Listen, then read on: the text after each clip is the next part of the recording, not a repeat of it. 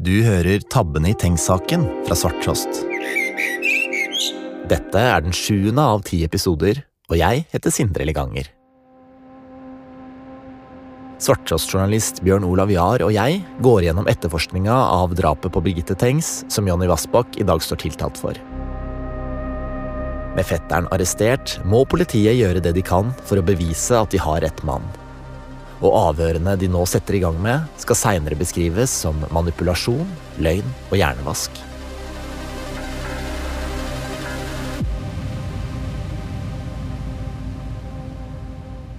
I forrige episode så gikk politiet til arrestasjon av den jevngamle fetteren til Birgitte Tengs. De mente at det var nok mistenkelige ting rundt han til at han kunne siktes for drapet, og det var dommeren i forhørsretten helt enig i, så da fikk politiet lov til å fengsle fetteren i fire uker med brev og besøksforbud. Og, og det her med brev og besøksforbud, Bjørn Olav, altså, hva er det egentlig for noe? Ja, altså I praksis så betyr det jo isolasjon. Altså Du har ingen kontakt med omverdenen. Eh, du får ikke brev inn, du får ikke besøk inn. Og, og du får heller ikke lest aviser eller sett på TV. Altså du, du, er, du er, helt avsondret. Du er, du er bare, det er bare politiet du skal forholde deg til. Det er litt interessant akkurat i Birgitte Tengs-saken, så, så, var jo noe av grunnen til at fetteren godtok denne fengslingen, var jo også det at politiet lovte ham at han ganske raskt skulle få besøk. Han trodde han skulle få det etter tre-fire dager, så han er nok ikke helt sånn klar over hvor strengt regime han nå går inn i, da. Men det er, det er så å si isolasjon. Hmm. Så da har politiet fire uker på seg til å få fram noe nytt. Og siden de ikke har noen tekniske spor som knytter fetteren til drapet, altså f.eks. sånn DNA-spor som man mener man har mot Jonny Vassbakk i dag, fra, fra Birgitte Tengs, så, så, håper politiet da at i løpet av de her fire ukene så kan de få fetteren til å tilstå drapet i avhør. Så det blir da eh, Kripos sin avhørsekspert Stian Elle sitt fremste oppdrag få fetteren til å erkjenne. Men, men eh, da fetteren blir arrestert, altså hvordan er det han tar det egentlig? Ja, nei, så Han blir jo veldig overrasket, fordi altså Stian Elle legger frem et ark for han mm, hvor det står av siktelsen. Da. Eh, og Da leser han dette, og så sier han sånn Men er det ikke bare én person som blir det? Altså siktet? Og da bekrefter Stian Elle at jo, det er bare det, og det er han som er siktet for drap på Birgitte. Og da, da, rister han på hodet og sier at dette forstår han ikke, men, eh, men, han sier også at han er villig til å forklare seg, og, og at han skal forklare seg ut av disse misforståelsene. da. Eh, og så blir han også opplyst om at han har rett til en advokat, og, og det, den han da ønsker, da, det er advokat Tor Erling Staff. Og Tor Erling Staff, eh, bare hvem var han igjen? Ja, altså Tor Erling Staff er jo en legendarisk strafferettsadvokat, eh, og han, altså en kjendisadvokat kan du vel også si. altså I 1997 så var vel eh, han den mest kjente advokaten i Norge og har jo en solid track record, og, og ville jo sannsynligvis vært en veldig god advokat for fetteren å ha også, eh, men Og da tilsvarende dårlig for politiet, kan man si. Eh, så, så, det Stian Elle spør han om, er om han ønsker du sirkus, eller ønsker du rettssak? Og da sier han at han, eh, at han ikke ønsker sirkus, da. Altså, Tanken er da at med Tor Erling Staff involvert, så vil det bli full baluba her, liksom? Ja, det er det, det, er det de mener. Men fetteren han, han, velger jo ikke Staff. Han hører på politiet, han stoler jo på politiet, og, og, han ender jo faktisk opp med å få gule sider da, uh, i altså, fanget. Telefonkatalogen, liksom? Telefonkatalogen, gule sider, ja. Så slår han opp, og så finner han en advokat der som viser seg å være i partnerskap med Birgitte Tengs foreldre sin bistandsadvokat, eh, så han anbefaler ham da Arvid Sjødin. Akkurat. Arvid Sjødin. Fortell om han, hvem han er. for et Ja, Arvid Sjødin er jo da, på dette tidspunktet her, så er han 42 år gammel, eh, og han, eh, han er sånn Når han blir portrettintervjuet, så, så trekker han alltid frem at han har kjørt taxi i studietiden. Han er liksom en, han er liksom mann av folket, og han er han er en vennlig mann og allerede gråhåret, røyker tett, liten, spinkel og um, og han liker liksom å tenke på seg selv som en venn med alle, da. Og han er hardt arbeidende, eh, vant til å jobbe mye, og, og, nå så rykker han da også straks ut, da. Har han noe erfaring med sånn Altså, det her er jo en svær sak i, i norsk sammenheng allerede. Birgitte Tengs-saken, liksom. Har, har, han noe erfaring fra sånn stor sak før? Veit du noe om det? Nei, det tror jeg ikke han har. Uh, han har jo jobbet med strafferett og, og, er jo blitt 42 år gammel og er vel en sånn relativt erfaren advokat, men det er klart at dette er jo en enorm sak, så han har ingen, uh, ingen erfaring på, på, dette nivået, nei. Okay. Men da får uh, Arvid Sjødin en telefon. Kan du komme til politihuset? Mm.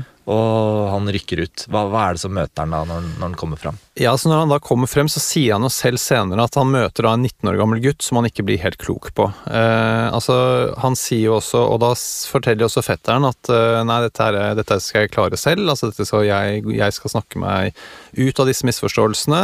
Eh, fetteren spør han jo også er det sånn at uskyldige mennesker blir dømt i Norge, og da svarer Sjødin at nei, det er det ikke. Og da sier jo fetteren at det er bra. Og så sier han at han skal ordne opp i dette selv. så så han tenker selv at han ikke har noe problem med å skulle gå i avhør med Stian Elle alene. Eh, og det la jo også Sjødin ham gjøre, så han, han, setter seg eh, ned på politihuset der, og så sitter han da og prater med Ståle Finnsal. Og bare Ståle Finnsal, han er jo etterforskningsleder, ikke sant? Ja. Eh, og Ståle Finnsal han, han, beklager jo da at han ikke har dokumentene i saken til Sjødin. De hadde regnet med at det skulle komme en Oslo-advokat inn i saken men jeg skal gi deg en muntlig gjennomgang. Eh, og da setter de seg ned, tar en kopp kaffe, tar seg en røyk, og så, og så begynner Finnsal å fortelle om alt hva de mener å ha på fetteren. da? At han har hatt skjelving i begravelsen, at de har en, en, ung jente som har observert ham på vei tilbake på sykkel på et tidspunkt han selv sier han var hjemme og sov. Og senere så vet jeg også at Sjødin har sagt at, at Finsal fortalte han at, at man hadde observert fetteren mens han puttet blodige klær inn i vaskemaskinen. Men, men når jeg selv går gjennom dokumentene, så, jeg, så, tror jeg ikke det skjer på dette tidspunktet her, altså at man, at man snakker om det. Og det, det, er også en opplysning som aldri ble verifisert på noe vis, da. Så da, hva gjør det med Sjødin sin innstilling til den her unge, nye klienten hans, da? Nei, det virker som om eh, Sjødin tror fullt og helt på politiet fra dag én. Det virker ikke som han er i tvil. Jeg tror han eh, går inn med den innstillingen at eh, ja, de har ikke tatt feil mann. Altså Politiet er også veldig tydelig på at i denne saken her så må vi være ekstremt sikre, fordi det er en familietragedie. Det er fetteren som nå, vi nå arresterer. Så jeg oppfatter det som at Sjødin stoler på det han blir fortalt. Eh, det tar jo også en stund før han får saksdokumentene her, ikke sant? så han har ikke noen mulighet til å kontrollere alt. Så jeg tenker det virker som at han tidlig tenker at fetteren nok har gjort det, og at det beste han kan gjøre for klienten sin, det er å forberede seg best mulig på å gå i retten, prosedere på at dette skjedde under affekt, og at han skal få minst mulig straff, og altså mest mulig forståelse. Altså Da sitter advokaten Sjødin og etterforskningsleder Finnsal sammen på politihuset. Men er det ikke sånn at forsvareren skal være en del av selve avhøret? Altså sitte i rommet og passe på at alt går bra, er det, er det ikke liksom det som er oppgaven? Jo, og det, og det er sånn man ser det i film. altså man ser jo, Stort sett så er jo advokaten til stede, og er ikke advokaten til stede, så kan det gå galt. Altså, altså det er klart at uh, maktforholdet, da, altså et politi som sitter på all dokumentasjon og all erfaring, kontra en 19 år gammel gutt som, som ikke har noe erfaring med politiet, det er jo rått parti. Uh, det er klart du mm. trenger en advokat inn i det rommet der. Uh, så at Sjødin ikke blir med han inn i rommet, det, det, er jo, det, er jo, ikke bra. Samtidig så var det ikke så uvanlig i 1997 at advokaten ble sittende på utsiden. og okay. Man vet jo også det, ikke sant, at, eh, at Asbjørn Rachlew f.eks., Norges fremste avhørsekspert, han forteller jo om sin egen bakgrunn. ikke sant, Han var også politi på 90-tallet. Han sier at det var om å gjøre å holde forsvareren ute av avhørsrommet. Altså De ville ha arbeidsro, ikke sant, sånn at de kunne jobbe frem en forklaring i fred og ro uten en masete advokat. da. Ok, men da, da sitter um, fetteren i avhør med Stian Helle. Ja. Uh, hva skjer på det avhørsrommet? Nei, Inne i avhørsrommet så snakker de om uh, konsekvensen av at han er siktet. Uh, at politiet tror at det er han som har drept Birgitte, og at de mener at de skal kunne bevise det. Og han blir også da bedt om å forklare seg om sine bevegelser, og politiet er da særlig opptatt av tidsrommet mellom midnatt og klokken to. Og fetteren han forklarer seg som han alltid har gjort. altså at Han, eh, han var på byen med kompiser i Kopervik. Han syklet hjem uh, før midnatt. Han kom hjem uh, like etter midnatt, snakket med faren sin og gikk og la seg. Det er jo forklaringen hans hele veien. Ikke sant? Og Det har han jo sagt mange ganger til politiet allerede. altså har jo, Han har vært avhørt i ja. Nå var det ti timer den ene dagen og, og, omtrent like lenge dagen etter. Ja, ikke sant? og det var bare i 1997. Han var også ja. avhørt i 1995. Eh, så han, eh, men han, eh, men han, er, han, føler seg jo faktisk ganske trygg på at dette skal gå bra. Da. Han tenker på at dette er en stor misforståelse. Dette skal han kunne klare å snakke seg ut av. Så når han blir da låst inn på cella klokken halv tre om natten, så et sånn helt blått rom som han kommer inn i, selvfølgelig lite og trangt, og en madrass på gulvet, og når han legger seg ned der, så tenker han sånn i morgen så, så er jeg ute. Da skal jeg kunne snakke meg ut av dette her. Hm. Ok, men da går den første natta her i fengsel da, for fetteren. Mm. Jeg våkner opp dagen etter. Ja. Hva, hva er planen da, eller hva, hva, hva skjer? Fra nå av så er det avhør hver eneste dag. Eh, så, så, det er nytt avhør, og dette her er jo da Nå er vi kommet til søndag 9. februar, og dette avhøret vet man jo en del om, for det, det har jo faktisk politiet protokollert. Altså Politiet skal jo protokollere, altså skrive ned alle avhør de foretar, mm -hmm. eh, men de gjør ikke det. Altså De skriver ned dette avhøret, og så skal det gå 16 dager før de igjen protokollerer et avhør, da. Um, så det er sånn, og det, det, handler jo da veldig mye om den tiden de da sitter med fetteren og har uformelle samtaler, som de kaller det. da. Uh, som jo er helt utenfor det som er tillatt, da. Uh, men som politiet i langt større grad tillot seg å gjøre før. I dag vil man ikke kunne gjøre det. Ok. Hm. Ja, Så sitter han i avhør i søndag 9. februar, og da snakker blant annet Han, han er fortsatt helt uforstående til politiets teorier, men, men Stian Elle han driver blant annet og prøver å liksom få fetteren med på liksom hva er det som kan ha skjedd her, og kan dette her ha vært noe som har utartet seg, og noe som egentlig ikke var ment å skulle skje, og så sammenligner han med at man har et glass eh, som man mister da, i bordet, og det knuser, ikke sant, altså at det er, en, er mer en slags ulykke, da. Mm. Eh, og fetteren er jo med, han er jo lydhør, og han er jo, han er jo med å spekulere litt på hva som kan ha skjedd og sånne ting med Birgitte, men eh, han er veldig tydelig på egen rolle, at han har ingenting med dette her å gjøre. Så, men, men Stian Elle prøver liksom å spille opp noen, noen muligheter her. Altså, ja, jeg skjønner ikke helt hva han mener med det glasset som knuste, men uh, Nei, han, han, mener nok at, at liksom, hvis du dytter noen og vedkommende dør, da, eller hvis du, hvis du, slår noen og vedkommende dør av det, så var det ikke meningen. Altså, det er mye mer, det er, vi snakker om uaktsomhet. Da. Um, det er nok det det går på. ikke sant? Altså, det skal være en lavere terskel for å skulle tilstå. ikke sant? Det er mye vanskeligere å tilstå noe du har gjort brutalt med vilje, kan du si, noe du har gjort fordi du har vært skjødesløs. da. Mm -hmm.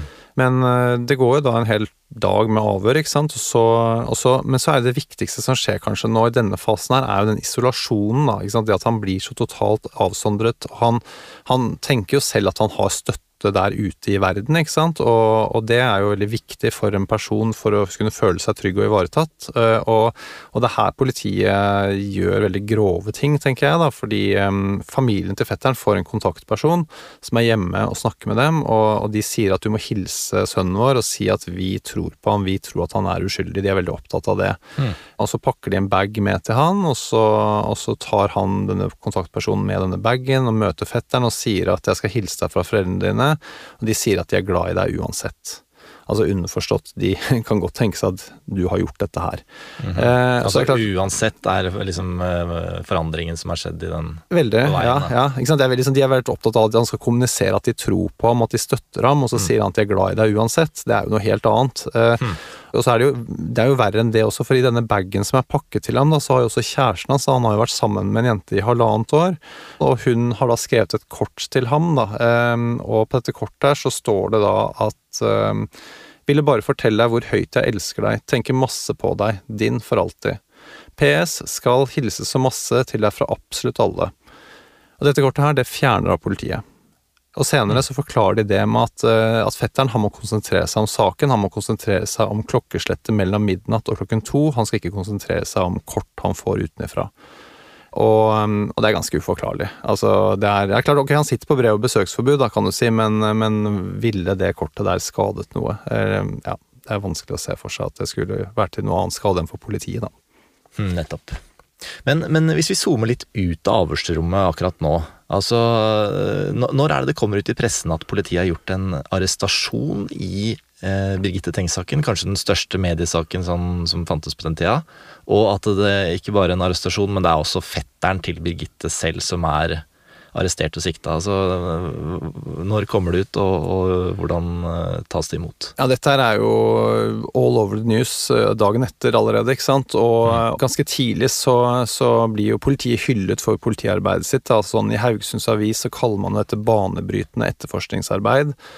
Og um, det er gått 646 dager, ikke sant. Endelig skal man få svar. Eh, det er det folk tenker. Og, og, og, politiet kommuniserer også at i denne saken må vi være ekstra sikre fordi det er en familietragedie, ikke sant. Så det er ingen som tenker seg liksom de kan ha arrestert ham uten grunn, da. Og, og, han har jo også en advokat som jo heller ikke hjelper han på noe vis, eller som støtter han, ikke sant. Advokat eh, Sjødin, han, han uh, sier til Aftenposten, så har han sitert på at klienten hans ikke har benektet noe, men det er fordi han aldri har fått noen direkte spørsmål om skyld. Uh, mens realiteten er jo at fetteren helt avgjort nekter. Han sier han har ingenting med dette her å gjøre. Så det at advokaten uttaler seg på den måten der, er jo ikke spesielt fordelaktig for fetteren, da. Ja, hvorfor sier Sjødin det, egentlig? Altså at han ikke uh, Nei, det er Jeg tenker at Sjødin er veldig prisgitt det, det, politiet forteller ham, og av en eller annen grunn så stoler han jo veldig på politiet, da. Men det tenker jeg jo også at her også burde han jo vært mye mer skeptisk, fordi allerede 11. Eh, februar 1997, altså to og en halv dag etter at man har fengslet fetteren, så, mm. så kan man lese i VG at Ståle Finnsal sier at politiet har knust fetterens alibi, da. Det har de jo ikke, ikke sant? men for å underbygge denne påstanden så skriver VG blant annet da at gutten som først hadde benektet å ha sett Birgitte, ble beskrevet av andre vitner mens han pratet med sin kusine.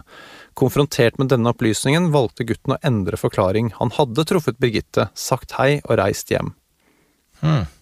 Altså, Stemmer det, liksom? Har han forandra forklaring nå, eller hva? Nei, det, ikke sant? det, er det, det stemmer overhodet ikke. ikke sant? Det er ingen vitner som har observert Birgitte og fetteren sammen. Eh, og om han skulle ha blitt konfrontert med dette her i avhør, så er det i så fall en bløff fra politiets side, ikke sant? Og ikke minst så har han jo aldri erkjent å ha truffet på eller snakket med Birgitte eh, den drapskvelden. Så hele dette utsagnet fra politiets side er jo usant. Men det er klart sånn, for oss utenfra som leser dette her, så er det klart at dette virker veldig sterkt. da. Det ser jo ut som at han først lyver om at han har truffet Birgitte, og så må han på en måte gi seg på det. Og så virker det som det finnes masse vitner som har observert dem sammen, og ingenting av dette her stemmer. Og det er her jeg tenker sånn at her burde jo Sjødin grepet inn, da. Ikke sant? Her, man, her, leser man jo ting som helt åpenbart ikke stemmer i avisen, fra politiets side. Hvorfor griper ikke advokaten hans inn? Ikke For da kunne han gått ut og sagt at uh, folkens, det der er ikke riktig, liksom. Han kunne slått full alarm. Altså, dette er, dette er ikke sant. Altså, hvorfor lyver politiet i mediene? Eller hvorfor snakker politiet usant uh, i mediene? Altså, dette det er jo rett og slett ikke holdbart. Hmm. Men du nevnte det at Sjødin ikke fikk saksdokumentene med en gang. Altså, Kan det være en grunn for at han ikke sier ifra nå? Altså, Han har ikke hatt mulighet eller tid til å sette seg inn i det nå? Ja, det kan godt hende, altså. Eh, men samtidig så tenker jeg vel litt som ved kjernen av saken her, da, at eh, når politiet kommer med sånne viktige nye opplysninger i pressen, eh, så tenker jeg at advokaten må ta fatt i dette med en gang og forlange å se grunnlaget for det. Nettopp for å kunne avsløre om dette er sant, eller om det er en bløff. Så, men de her bløffen som du snakker om, altså, hvordan, hvordan kan de vite at det er en løgn, at det ikke stemmer? Jo, ikke sant, dette er viktig, sant? som jeg var inne på tidligere, at det finnes jo ingen protokollerte avhør fra denne tiden her. Eh, men da har man heldigvis dagbøker, da, så politiet sitter og skriver dagbøker. Stian Elle, som, som tar avhørene av fetteren, han fører dagbøker. Han noterer underveis alt som skjer i avhørene, ikke alt, da, men en del. Og så har han en bisitter, en annen lensmannsbetjent som også er med i disse avhørene, en som heter Lars Grindheim, og han også noterer veldig flittig. Altså Der har man en kilde til veldig mye god informasjon da, på hvor manipulative disse avhørene er, da. Og, og bare de her dagbøkene, er det liksom Hvordan dokumenter snakker Er det sånn Stolt Finshall på sengekanten, kjære dagbok, i dag gjorde jeg X og Y, eller liksom hva Nei, Hva er det for noe De kan nok også vært skrevet i etterkant, men, eh, men, jeg tror mye av det handler om fortløpende at du sitter og noterer. Uh, at det er på en måte det, Politiet vil vel selv kalle det sine arbeidsdokumenter. da. Akkurat, det er et arbeidsverktøy liksom, som man ja. noterer hva man gjør hver dag, liksom, mm. så man har litt uh, ja. kontroll på det. Og det blir jo spesielt viktig i denne saken her, i og med at man ikke protokollerer avhør, uh, så er det veldig viktig at man har disse dagbøkene for å se hva er det som faktisk kan ha skjedd. da. Mm. Det, det, det, som er, det, som er, påfallende, er at hvis du vet, hvis fetteren hadde erkjent at han hadde truffet Birgitte, Én eh, ting er at man ikke har protokollert avhørene, men da ville man i hvert fall skrevet i dagbøkene. Altså nå sier han at han har truffet Birgitte. Det står ingenting om det i dagbøkene. Mm. Så denne opplysningen som gått, man har gått ut med i VG, den stemmer ikke. Den er ikke sant. Og det verste av alt er jo at dette er jo ikke det verste politiet gjør når det gjelder å plante ting i mediene. Det kommer jo ting som er mye, mye verre enn dette her også. Og som får mye større konsekvenser for fetteren.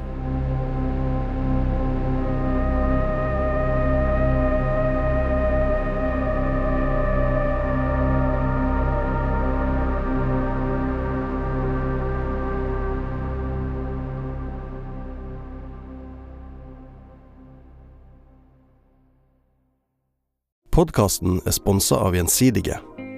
Du vet aldri hva som venter rundt neste telefon. Noen som har eh, brukket en eh, fot, hjerteinfarkt Det kan være alt mulig. Noen ganger eh, ringer jo også noen til oss som er i en psykisk krise. Hver dag sykler Tone Kvåle Jordal til jobben sin på Gjensidiges alarmsentral for å ta imot telefoner fra mennesker som er blitt akutt syke på reise. Den telefonlinjen inn til oss, den er alltid åpen, og der skal det aldri være kø. Og da har vi også veldig mange dyktige leger som vi samarbeider med, som hjelper oss å få oversikt over en medisinsk situasjon. Så snakker vi også med familie, pårørende. I de situasjonene så er en del av jobben vår å hjelpe, navigere eh, og rydde opp i et slags eh, kaos. Men vi prøver også å, å vise at vi er mennesker som bryr oss om at du skal få det godt, du skal bli frisk, eller at du skal komme hjem. Når jeg har snakket med noen over flere eh, uker, så begynner de å kjenne meg, og jeg begynner å kjenne de, og vi får et eh, slags bånd. I starten syns jeg det var eh, også litt skummelt, fordi det føles som fryktelig mye ansvar, og det er det også. Men når en sak er ferdig, og når eh, vi kan takke for nå og si farvel til noen vi har hjulpet, så er det også verdt det. Og det føles som om vi gjør en jobb som er nødvendig. Eh, og det er viktig for meg. Gjensidige har sikra liv, helse og verdier i over 200 år. Vil du bli en av oss? Sjekk ut gjensidige.no jobb. Før du hører videre, så vil jeg tipse deg om en annen serie som du finner her i Svarttrost Dukk.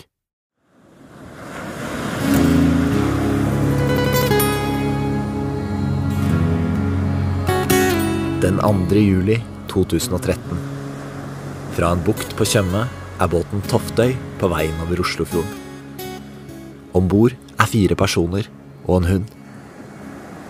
Under dekk ligger narkotika, dynamitt og en avsagd hagle. Det skal bli Toftøys siste tur. Ja, bom! Du har skutt kameraten min, jævel. Der ligger han helt grå i trynet. og Ingenting igjen av foten hans. Bare beina hans står ut av alle kantene. og Det eneste han kviskrer, det er au. Hør den prisbelønte serien Skuddet på Toftøy i svarttrostdukk. Nå tilbake til episoden. Fetteren sitter med brev og besøksforbud og møter avhøreren Stian Elle hver dag. De her avhørene, Bjørn Olav, kan du ikke beskrive hvordan de arter seg, liksom? Altså, er det sånn klassisk jeg har sett på TV med et mørkt rom og en sterk lampe i taket og, og sånne dobbeltsidige speil hvor det står en, liksom, hele politikorpset på utsida og nikker i, i takt, holdt jeg på å si, som innrømmelsene kommer, eller hvordan, hvordan, hva veit vi om hvordan det her arter seg konkret? Nei, vet du hva, jeg tror faktisk at det bare er eh, Stian Elle og fetteren og denne bisitteren, da, lensmannsbetjenten, som sitter der inne. Og mye av tiden tror jeg det kanskje bare er Stian Elle og fetteren. Eh, og jeg tror det er et lukket rom. Det er ikke stort, jeg tror det er noe sånn 6-7 kvadratmeter. Eh, og Stian Elle han sitter da bak en pult, han har datamaskinen fremfor seg, og fetteren sitter da på andre siden av pulten på en stol, og de sitter og snakker sammen, da. Mm. og det jeg vet, er jo at Stian Elle han var en storrøyker. Han røyker hele tida. Og, og fetteren han røyker jo ikke, og er en idrettsmann og er jo nå pressa inn på en liten celle og får jo ikke rørt på seg. Så, han sitter jo også i disse avhørene. Jeg vet jo også at han har mye vondt i huet, f.eks. Men det er ikke noe han tør å si noen ting om Da. Han er også opptatt av på en måte at stemningen skal være god, da. Så vet jeg også at Stian Elle han sitter jo også med den datamaskinen og skriver jo ned forklaringen, da. Um, med liksom hvor han bruker da én og én finger på, på tastaturet, da, så det tar mye tid da, for, å, for å komme seg gjennom forklaringen. Og Det kan, kan kanskje være noe av årsaken til at han sitter jo noen ganger sånn 12-15 timer i avhør en dag, ikke sant. Og, og, så ut fra dette her så har man notert et par sider i en dagbok, og, og man lar ikke være å protokollere avhør. Ikke sant? Det er klart at det sier at her er det jo veldig mye prat da, som handler om alt mulig annet enn kanskje saken også.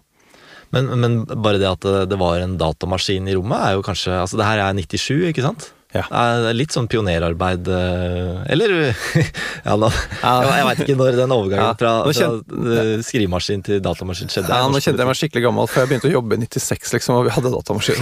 Ja. Ok. Ja, ja, men eh, det er ikke touch-metoden eh, i bruk, da. Nei, det er det ikke. Nei. Ok. Da, da jeg vet jo også Fetteren har jo også sagt at de, de lo litt av det begge to, da, hvor, liksom, hvor treig han Stian eller var på å skrive på denne maskinen og sånne ting. Så han har på en måte litt sånn selvironi på dette, og det er jo en del av strategien med å ha god stemning også. Okay. Og jeg tenker sånn, Det er ikke gærent å ha god stemning. altså Kan man sitte sammen i mange timer og snakke, så, så er det ålreit å ha god stemning. Men, men det er lite profesjonelt. altså det burde jo, altså En sånn type avhør må jo på en måte sånn, Nå skal vi ha avhør, nå skal vi ha en skikkelig utspørring, og så er vi ferdig. Og så venter vi noen dager, og så tar vi et nytt avhør når vi har funnet flere liksom, gode samtaleemner å snakke om. da. eh, altså Ikke bare sitte og prate hver dag ut og dag inn. da. Det er jo ingen tvil om at dette her er jo veldig trettende. Ikke sant. Men, men hvordan er det Stian Elle går fram her i avhørsrommet for å få fetteren til å nærme seg tilståelsen som politiet er ute etter? Ja, altså ikke sant, han, han er veldig opptatt av at de skal egentlig sammen, og etter hvert selvfølgelig at det skal være fetteren som selv forklarer det, da, men, men forestille seg hvordan dette drapet kan ha skjedd. Da. Altså, han prøver liksom å komme inn på den måten der. Han ser jo fortsatt at dette er vanskelig. Dette er en gutt som ikke har lyst til å erkjenne drapet. Det er en forferdelig handling han skal ha gjort, og, og han må på en måte hjelpe han frem til dette. Så man starter med liksom, hvordan tror du dette drapet her kan ha skjedd, og, og da åpner fetteren etter hvert opp for at, liksom, at Birgitte kan ha vært utsatt for en seksuell eh, tilnærmelse som, som så har sporet helt av, og så tar det ene det andre, da. Men, men fakta er jo at det fetteren kom med disse avhørene, er jo fremstår ikke som noe annet enn synsing, da. Altså, det er jo som enhver annen skulle sitte og prate om hva tror du skjedde med Birgitte denne kvelden, og så, og så lanserer man teorier, da. Men han holder jo hele tiden på det samme han har forklart, og, og, og politiet er opptatt av ikke sant? hva gjorde mellom klokken, klokken 24 og klokken 2 om natten. Eh, Det er liksom det som er primærsamtaleemnet, da. Akkurat. Og da kan man jo, da kan man jo lure på liksom, hvor lenge skal man uh, snakke om det. Ja, ikke sant. Det har vi snakka om i, i mange timer allerede, har de ikke det? Kommer de liksom Utvikler det seg noe, liksom? Nei, det gjør ikke det. Altså, sånn, han, han sier jo hele tiden bare, Fetteren bare svarer liksom, det jeg må forholde meg til det hjernen min sier. Ja. Og, det, og hjernen min sier at jeg syklet hjem og gikk og la meg. Uh, Det er det. Akkurat. Og hvordan responderer Elle på det, da? At øh, han prøver å lytte til hjernen sin? Her fungerer han nesten litt som en sånn type sånn hobbypsykolog, tenker jeg. Da, for han, han spør om det er ting han ikke vil fortelle, om det er noe han er redd for å slippe frem, ikke sant? om det er noe vonde greier. Og tanken til Elle her er jo at han tror at fetteren har gjort det, og at fetteren er klar over at han har gjort det, men han åpner opp for at det kan være en sånn type slags eh, fortrengning, da, eller at det er en uvilje til å fortelle det. Men så skal det jo skje noe som virkelig får fetteren ut av fatning. Og det er da at sant, hans viktigste alibi det er jo faren hans som forteller at han kom hjem like etter midnatt. eh, Og dette her har jo da faren Jakob fortalt i avhør både i mai 1995 og februar 1997. Holder fast ved dette her. Sønnen hans kom hjem rundt midnatt. Ikke sant? De hadde en avtalen om at øh, da sønnen kom hjem, måtte han si hei til pappa før han gikk og la seg, sånn at de visste at han var i hus. Ja, men så skjer det jo noe her som blir veldig veldig dramatisk, og det er jo at noen dager etter fengslingen så får eh, Jakob besøk av kompisgjengen til, eh, til sønnen sin. eh, og de, de har da med et brev som de vil gjerne få overlevert til, til ham, da, hvor de forteller at de støtter ham og at de er glad i ham osv. Til fetteren. Ja.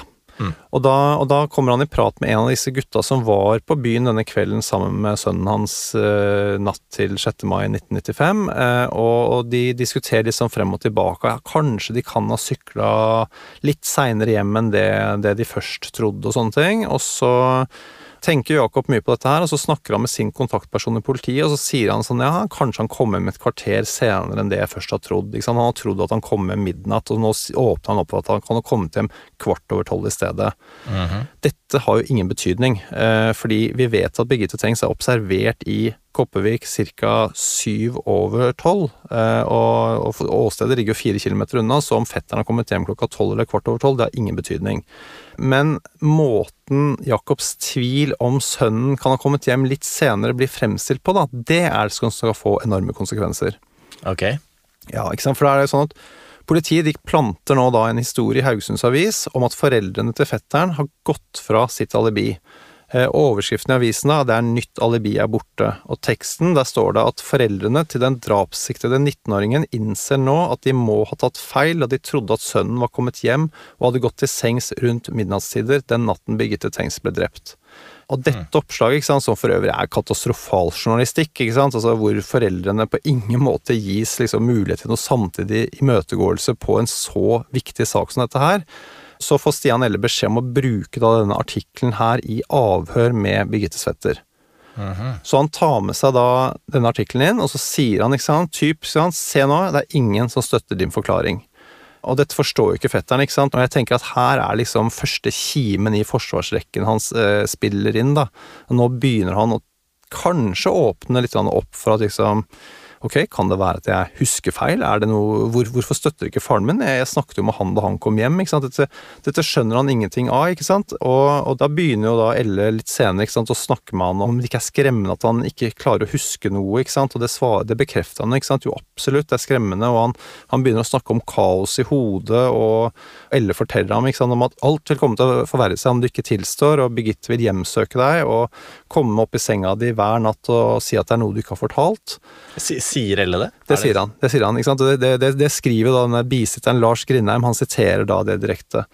Ehm, ja, um, Er ikke det ganske rar ting å si? For, eller eh, det er veldig? Her er vi veldig langt inne i manipulasjonen. ikke sant? Altså Du sier at hvis ikke du tilstår, så kommer du aldri til å bli kvitt kaos i hodet ditt. ikke sant? Tilståelsen er løsningen. ikke sant? Fetteren begynner å ha det ganske vondt nå, ikke sant? og løsningen for fetteren da, som politiet kan tilby ham, det er en tilståelse.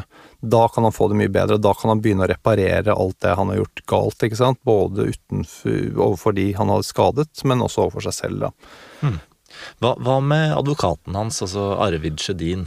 Mm. Hva, hva driver han med i denne perioden her hvor fetteren avhøres uh, mye? Ja, altså Det jeg tenker på er at det finnes jo ingen tekniske bevis her, uh, og, og fetteren nekter jo for å ha gjort dette her, så, så, så jeg tror bare at Sjødin er så overbevist om at politiet skal klare å få ham til å tilstå fordi han har gjort det, uh, at han sier også det når fetteren er i samtale med han, så sier fetteren du vet hva, jeg, jeg kan ikke huske noen ting, ikke sant, og så, så sier til han ja, men eh, det er ingen som tror at politiet har tatt feil mann, med andre ord, ikke sant. De tror det er deg, og ingen andre som, som tviler på det. Mm. Så da skriver han etter hvert eh, denne dagen, altså han har møtt Sjødin, så skriver han en lapp hvor han skriver at, eh, at jeg erkjenner å ha forvoldt Birgitte Tengs død, og så legger han til men jeg husker ingenting av det. Fetteren skriver det på en lapp. Han skriver det på en lapp og gir det til Sjødin. Da sier Sjødin at dette her er ikke, dette er ikke godt nok. Eh, Dette er, du kan ikke erkjenne straffskyld uten å si at du husker noe, så, så den lappen tar de ikke med videre til politiet. Ok. Men politiet får jo vite om det, da. Altså Sjødin er jo tett, er jo tett dialog med politiet, så han forteller jo om dette til politiet. Hæ. Det er jo en enorm utvikling, er det ikke det? Det er det, eh, og, og, og? Og, nå, og dette ansporer jo Stian Elle til å komme på en ny idé, og det er at nå skal fetteren skrive et filmmanus. Nå skal han se det hele i et fugleperspektiv, nå skal han skrive hele historien da, om hva som kan ha skjedd. Eh, og det synes også fetteren er en god idé, og husk på, han sitter der på cella dag ut, dag inn hvis han ikke er i avhør, han har ingenting å gjøre, han er glad i å skrive, han har sex i norsk, han har mye fantasi, og han er helt klart motivert for å nå skrive hva kan ha skjedd med Birgitte. Så han setter i gang, da, og, og Elle han gir han noen stikkord da, å jobbe med, ikke sant? sånn som voldtekt, ufullbyrdet, kvelning, hender, hun våkner, sleper henne og videre. Og fetteren han setter i gang å skrive, da. Og han skriver mye om hvordan liksom den personen som har gått inn sammen med Birgitte, hvor han har møtt henne, gått inn på Gamle Sundsvei, hva som kan ha skjedd i en oppbyggende fase, hva som kan ha skjedd i etterkant. Men det er én ting han ikke klarer å skrive, og det er det han kaller den blanke siden. Og det er rett og slett det som handler om de grove ugjerningene ikke sant, som skjer på et åsted. Det klarer han ikke å skrive om, og um, Altså, bare så jeg henger med, han klarer ikke å skrive om det i filmmanuset Nei, som nei, han har blitt bedt å skrive. Ja, ikke sant? Han syns det, det er for vanskelig, det er for vondt, ikke sant. Altså, um, men etter hvert så klarer han også å fylle ut da mer om dette, denne, denne blanke siden, et innhold der også, da. Og, okay. og da sier jo også Elle etter hvert som han begynner å komme med en forklaring som de syns begynner å nærme seg en tilståelse eller en forklaring. Ja, men er det her en forklaring, eller er det et filmmanus, eller? Altså det er et filmmanus. Ja. uh, ja, det, det, det er godt å si. Det er, det er fortsatt et filmmanus, men det er på en måte en kladd da, kan du si, til det som skal bli tilståelsen. Uh, og nå sier også Elle at uh, nå vil jeg at du skal bytte ut han i fortellingen med jeg. Aha, altså i, i manuset. I manuset. Der fetteren har skrevet 'han gjør X og Y', så, så skal det nå byttes ut til Jeg. 'jeg gjør X og Y'. Ja. Hæ. Ikke sant? Han går innover Gamle Sundsvei med, med Birgitte. Ikke sant? Nei, nå skal det hete 'jeg går innover Gamle Sundsvei med Birgitte'. Hva, hva sier fetteren til det forslaget, da? Bytte ut uh, han med jeg? Nei, det sier han greit til. Uh, altså, nå tror jeg han begynner å komme såpass liksom, langt inn i det at han, om han ikke er overbevist ennå, så er han veldig åpen for at han kan være drapsmannen. da. Hæ. Og jeg tenker Han har veldig stor tillit til Stian Helle. Han tenker at det han forteller er eh, fornuftig. eh, Det er gode råd. eh, De, bør jeg følge. Og jeg tenker at det er jo tilståelsen som skal på en måte redde ham. Og, og det som er veldig interessant her også, er jo at er på et tidspunkt så sier han til Stian Helle at jeg begynner jo å forstå nå at jeg ikke kommer til å få noe besøk før jeg tilstår. Og da sier Stian Helle at det er riktig. Den, den her filmmanusteknikken, Ja. altså hvor- vanlig er den som en del av eh, avhørsmetodikken til norsk politi? Nei, den tror jeg er ganske uvanlig. Eh, Jeg håper det. Jeg kan godt tenke meg at dette har foregått andre ganger også på 90-tallet eller 80-tallet eller noe sånt. Det tør jeg på ingen måte å utelukke. Mm. Men i dag ville man ikke gjort det. Men da, da står eh, politiet der med et filmmanus fra fetteren, hvor han er blitt bytta ut med jeg. Og så veit jo da at han har sagt til advokaten, eller har skrevet til advokaten sin at eh, jeg er klar til å erkjenne drapet på Birgitte, men jeg husker ikke å ha gjort det. Mm. Altså, hva, hva, hva er gangen videre? Hva, hva skjer? Nå tenker politiet at, eh, at han begynner å nærme seg en formell tilståelse. At han er klar til å avlegge en formell tilståelse. Og, og i dagboken sin så noterer Stian Elle også han ser det tragiske i sin situasjon, og sier han vil erkjenne for at han skal bli trodd, men at han ikke husker. Altså fetteren eh, Ja. ser det tragiske. Ikke sant? Ja. Og tenk, tenk deg så fælt det er. ikke sant? Altså, den eneste måten du kan bli trodd, det er hvis du erkjenner. Og, og, og du tenker at du er i tvil om du har gjort det eller ikke, men du vet du, du er så desperat etter å bli trodd. da. Altså Det er ganske vondt å sitte der også. Dette er jo en fyr som Han er skoleflink, han er samvittighetsfull, han, øh, han har en kjæreste på utsiden. Han har liksom, han har et liv som er kasta over bord. Og det å også bli kalt at du ikke skal være samarbeidsvillig, at du ikke skal være ærlig og sånne ting, det også går veldig inn på han. ikke sant? Han, han, er, han begynner å bli veldig motivert. Han, han får jo også hele tiden ikke sant? Hvordan tror du foreldrene til Birgitte har det? ikke sant? De spiller jo mye på samvittigheten også, sant? så han sitter jo med på en måte og tar inn over seg egentlig en dårlig samvittighet over at de har det fælt også, da. Så da er de klare for liksom å komme i gang med den ordentlige tilståelsen, da? Det er de. Det har gått 16 dager med masse prat, med masse manipulasjon, må være såpass ærlig å si at det er det. Eh, og, og teoretisering og filmmanus og sånne ting, at nå begynner man å nærme seg noe som kan være en forklaring. Så da setter de seg ned 25. februar for å skrive ned en forklaring fra fetteren. Og det som er veldig interessant, det er at i denne forklaringen som har kommet da, da, så står det da skrevet at han ønsker å forklare seg om hva han mener kan ha skjedd mellom ham og Birgitte Tengs på Gamle Sundsvei natt til lørdag 6.5.1995. Og da har man også notert at han ønsker å presisere at dette er noe han mener kan være et hendelsesforløp, men at han ikke husker dette.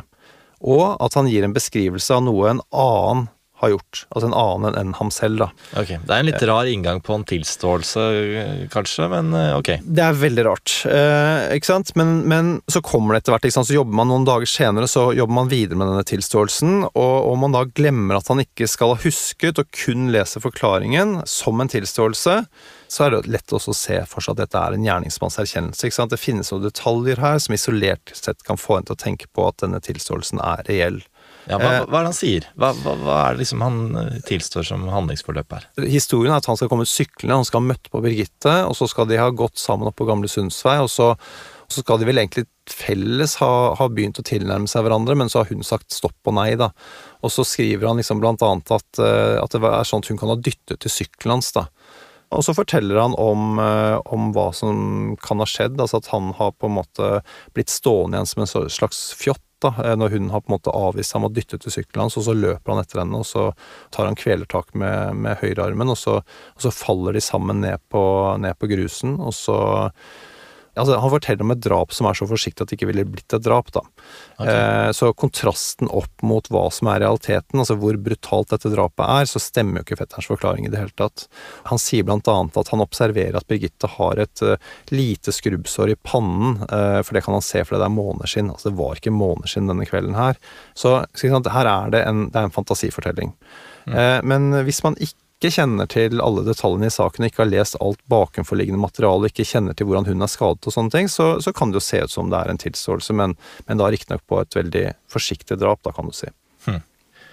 Men eh, da har i hvert fall politiet fått den tilståelsen som de ønska seg. Mm. Fetteren har erkjent å ha forvoldt Birgitte Tengs sin død.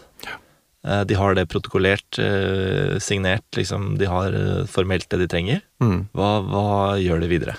Ja, ikke sant. Da kaller du inn til en pressekonferanse, og, og det er jo det er jo en litt sånn merkelig affære, for det er jo flere som, flere som vil være med på den pressekonferansen som ikke får lov til å være med på noe sånt, for det er liksom noen som skal, som skal skinne, og noen som ikke skal, skal det. Okay. Eh, men det er åpenbart en merkedag for, for politiet, og det er, sånn, det er jo bilde, det er jo sånn film av Stian Elle hvor han, hvor han er utenfor politiet, og han er så stolt, ikke sant. Altså, han er kommet i mål, han er utrolig lettet og glad. Eh, og, og Ståle Finsal er sammen med politisjefen og politiinspektøren, så sitter han på et, eh, på et podium på pressekonferanse og snakker om dette her, ikke sant. Og eh, det er rett og slett en merkedag, og, og politimesteren Haugesund, han sier at dette er en sak som kommer til å bli stående sentralt i norsk kriminalhistorie. Og det har hun fått rett i. Eh, Men neppe med den valøren som han hadde tenkt seg. da. Men det som også er spesielt her, da, at, eh, at advokat Sjødin han uttaler seg til mediene, og da står det jo blant annet i en artikkel i Aftenposten at fetteren ifølge Sjødin har kommet med en uforbeholden tilståelse. Uforbeholden. Ja, ikke sant. Uforbeholden, som om at det ikke finnes forbehold. Og det er jo klart at han, han har en klient som faktisk sier at han ikke husker. Men han sier noe om at det er en Vi har med en 17 år gammel gutt med en altfor stor kropp og altfor store krefter å gjøre. Og så er han på en måte opptatt av at sant, dette har skjedd i en affekt. da. Men eh, ja, hvor, hvorfor sier han uforbeholden når det liksom eh, Hvis jeg forsto det rett, så var det et forbehold i, i toppen av arket der, liksom at eh, jeg husker ikke det her. Ja, nei, det er um, Det tenker jeg at advokat Arve Sjødin nesten må svare selv på. Jeg vet at han ikke mener det i dag.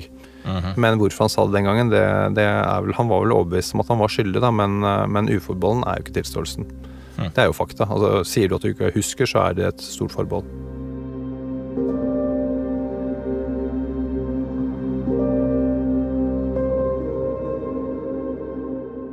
Ok, da har politiet jobba fram en såkalt tilståelse fra fetteren, og i dag, eh, som du har vært inne på, Olav, så blir jo den tilståelsen her sett på som et slags skoleeksempel på en falsk tilståelse. Og da er det jo han eh, politiforskeren Asbjørn Rachlew som har beskrevet at tilståelsen oppsto som følge av løgn, manipulasjon og ulovlige avhørsteknikker fra politiets side. Så det her er kanskje et litt sånn dumt spørsmål nå, men, eh, men hvis du skal peke på hvor tabben ligger i det vi har snakka om nå, hvor, hvor er den hen? Ja, altså Den åpenbare største tabben er jo måten politiet avhører Birgitte Sæther på. At de på ingen måte åpner opp for at han kan være uskyldig, men at de bare presser på, og at de til slutt da presser frem en falsk tilståelse gjennom grovt manipulative avhørsmetoder. Det er den største tabben. Men det er også en tabbe av fetterens forsvarer, advokat Arve Sjødin, som til de grader støtter opp om politiets hardkjør, og som på ingen måte gir klienten sin den støtten han skulle hatt. Det er, altså, hvor mange dager er det det går fra fetteren blir arrestert til liksom tilståelsen hans ligger der? Han ble arrestert 8. februar, og den endelige tilståelsen, eller såkalte tilståelsen, da, den kommer 1. mars. Så da er det gått uh, 23 dager, da.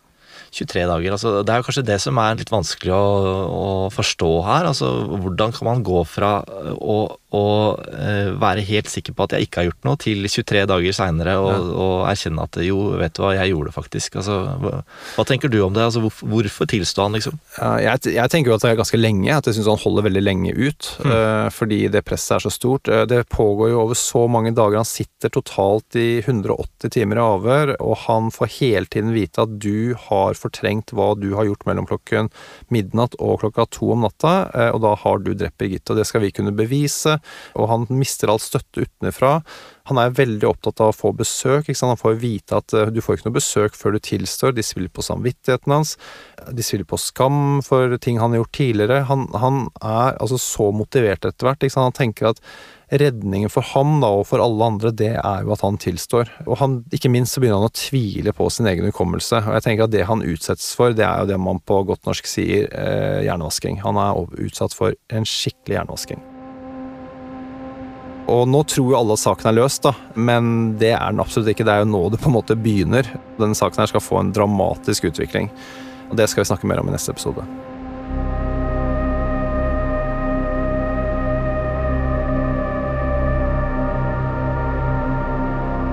I dag beskriver fetteren avhørene med politiet som tøffe. Siden de kunne vare i opptil 15 timer i strekk, og premisset var at han huska feil og kunne ha fortrengt drapet. Ifølge fetteren så ble han hele tiden minna om hvor viktig det var at han tok ansvar, og at politiet kunne bevise at han var skyldig. Med unntak av en helg så satt fetteren 25 dager i strekk i avhør. Samtidig sier han at sammenligna med avhøra, så var det mye verre å sitte i isolasjon på cella. De to helgedagene han ikke satt i avhør, var fetteren aleine på cella, uten å ha noe å lese på, og han fikk bare lufte seg i 20 minutter daglig, og da i en liten, tom luftegård. Fetteren sier at han var 19 år, ustraffa, at han stolte på politiet, og at han ble fortalt at han ikke kom til å få møte kjæresten eller familien før han tilsto. Daværende etterforskningsleder Ståle Finsal er enig i noe av kritikken mot avhørene som ble gjort. Han sier at avhørssituasjonen var annerledes enn i dag, men at det var hans ansvar å følge med på at alt gikk riktig for seg, noe han ikke gjorde i tilstrekkelig grad. Når det gjelder det at Finnsal ifølge fetterens forsvarer Arvid Sjødin skal ha sagt at fetteren hadde blitt observert mens han putta blodige klær i vaskemaskinen, sier Finnsal at det ikke stemmer. Arvid Sjødin sier at det ikke alltid var mulig for han å imøtegå politiet i pressen fordi han var underlagt taushetsplikt, men at han bl.a. klaga inn politiet til kontrollorganet Sefo. Han kan ikke huske å ha kalt fetterens tilståelse for sitat uforbeholden. I dag sier Sjødin at han ikke ble varsla om at avhør ble gjennomført, og at hvis han hadde visst hvor mye fetteren satt i avhør, ville han ha vært mer til stede. Han legger samtidig til at på den tida her så var det vanlig at forsvareren ikke satt i rommet under avhør.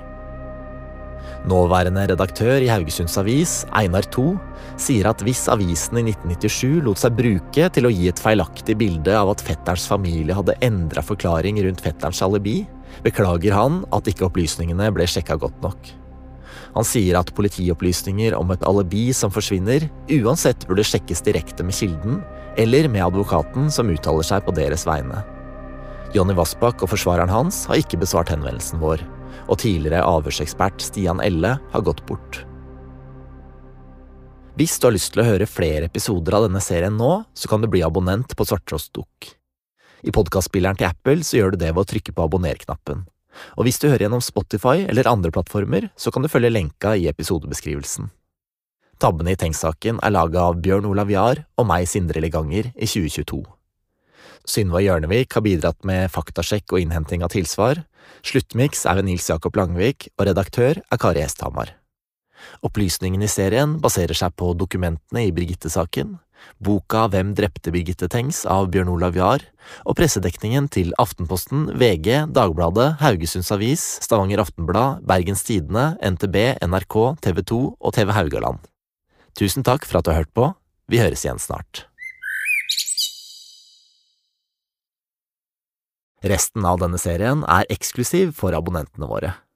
Du kan bli abonnent ved å søke opp Svarttrost Dukk i podkastspilleren til Apple eller i Spotify. Hos Apple så kan du trykke på abonner-knappen i appen, mens i Spotify så kan du følge lenka i episodebeskrivelsen. Og hvis du har spørsmål, så finner du oss i Svarttrost på Facebook og Instagram. Har du et enkeltpersonforetak eller en liten bedrift? Fiken gjør det enkelt å sende faktura eller tilbud. Et par klikk, så er det sendt og regnskapsført.